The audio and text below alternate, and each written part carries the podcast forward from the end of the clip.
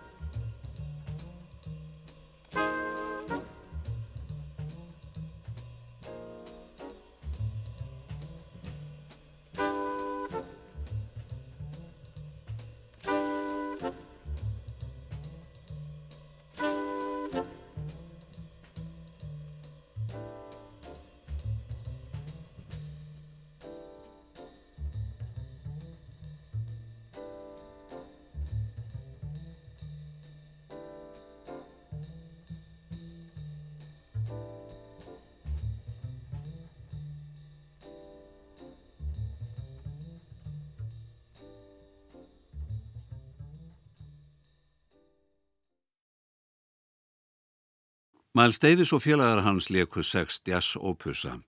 Eitt af því síðasta sem tenor-saxofónleikarinn Ornette Cobb gerði var að fara í tónleikaferð með saxofónleikurunum Jimmy Heath og Joe Henderson.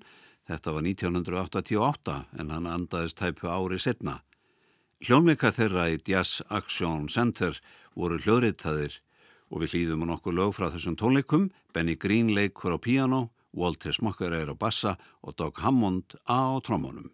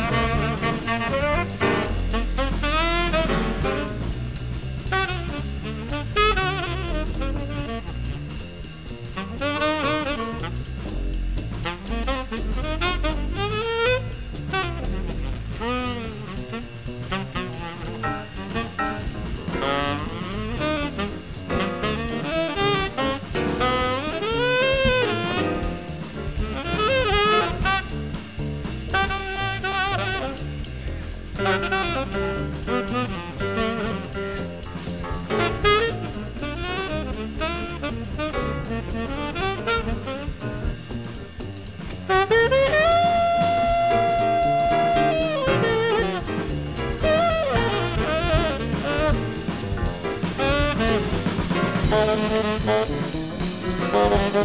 you.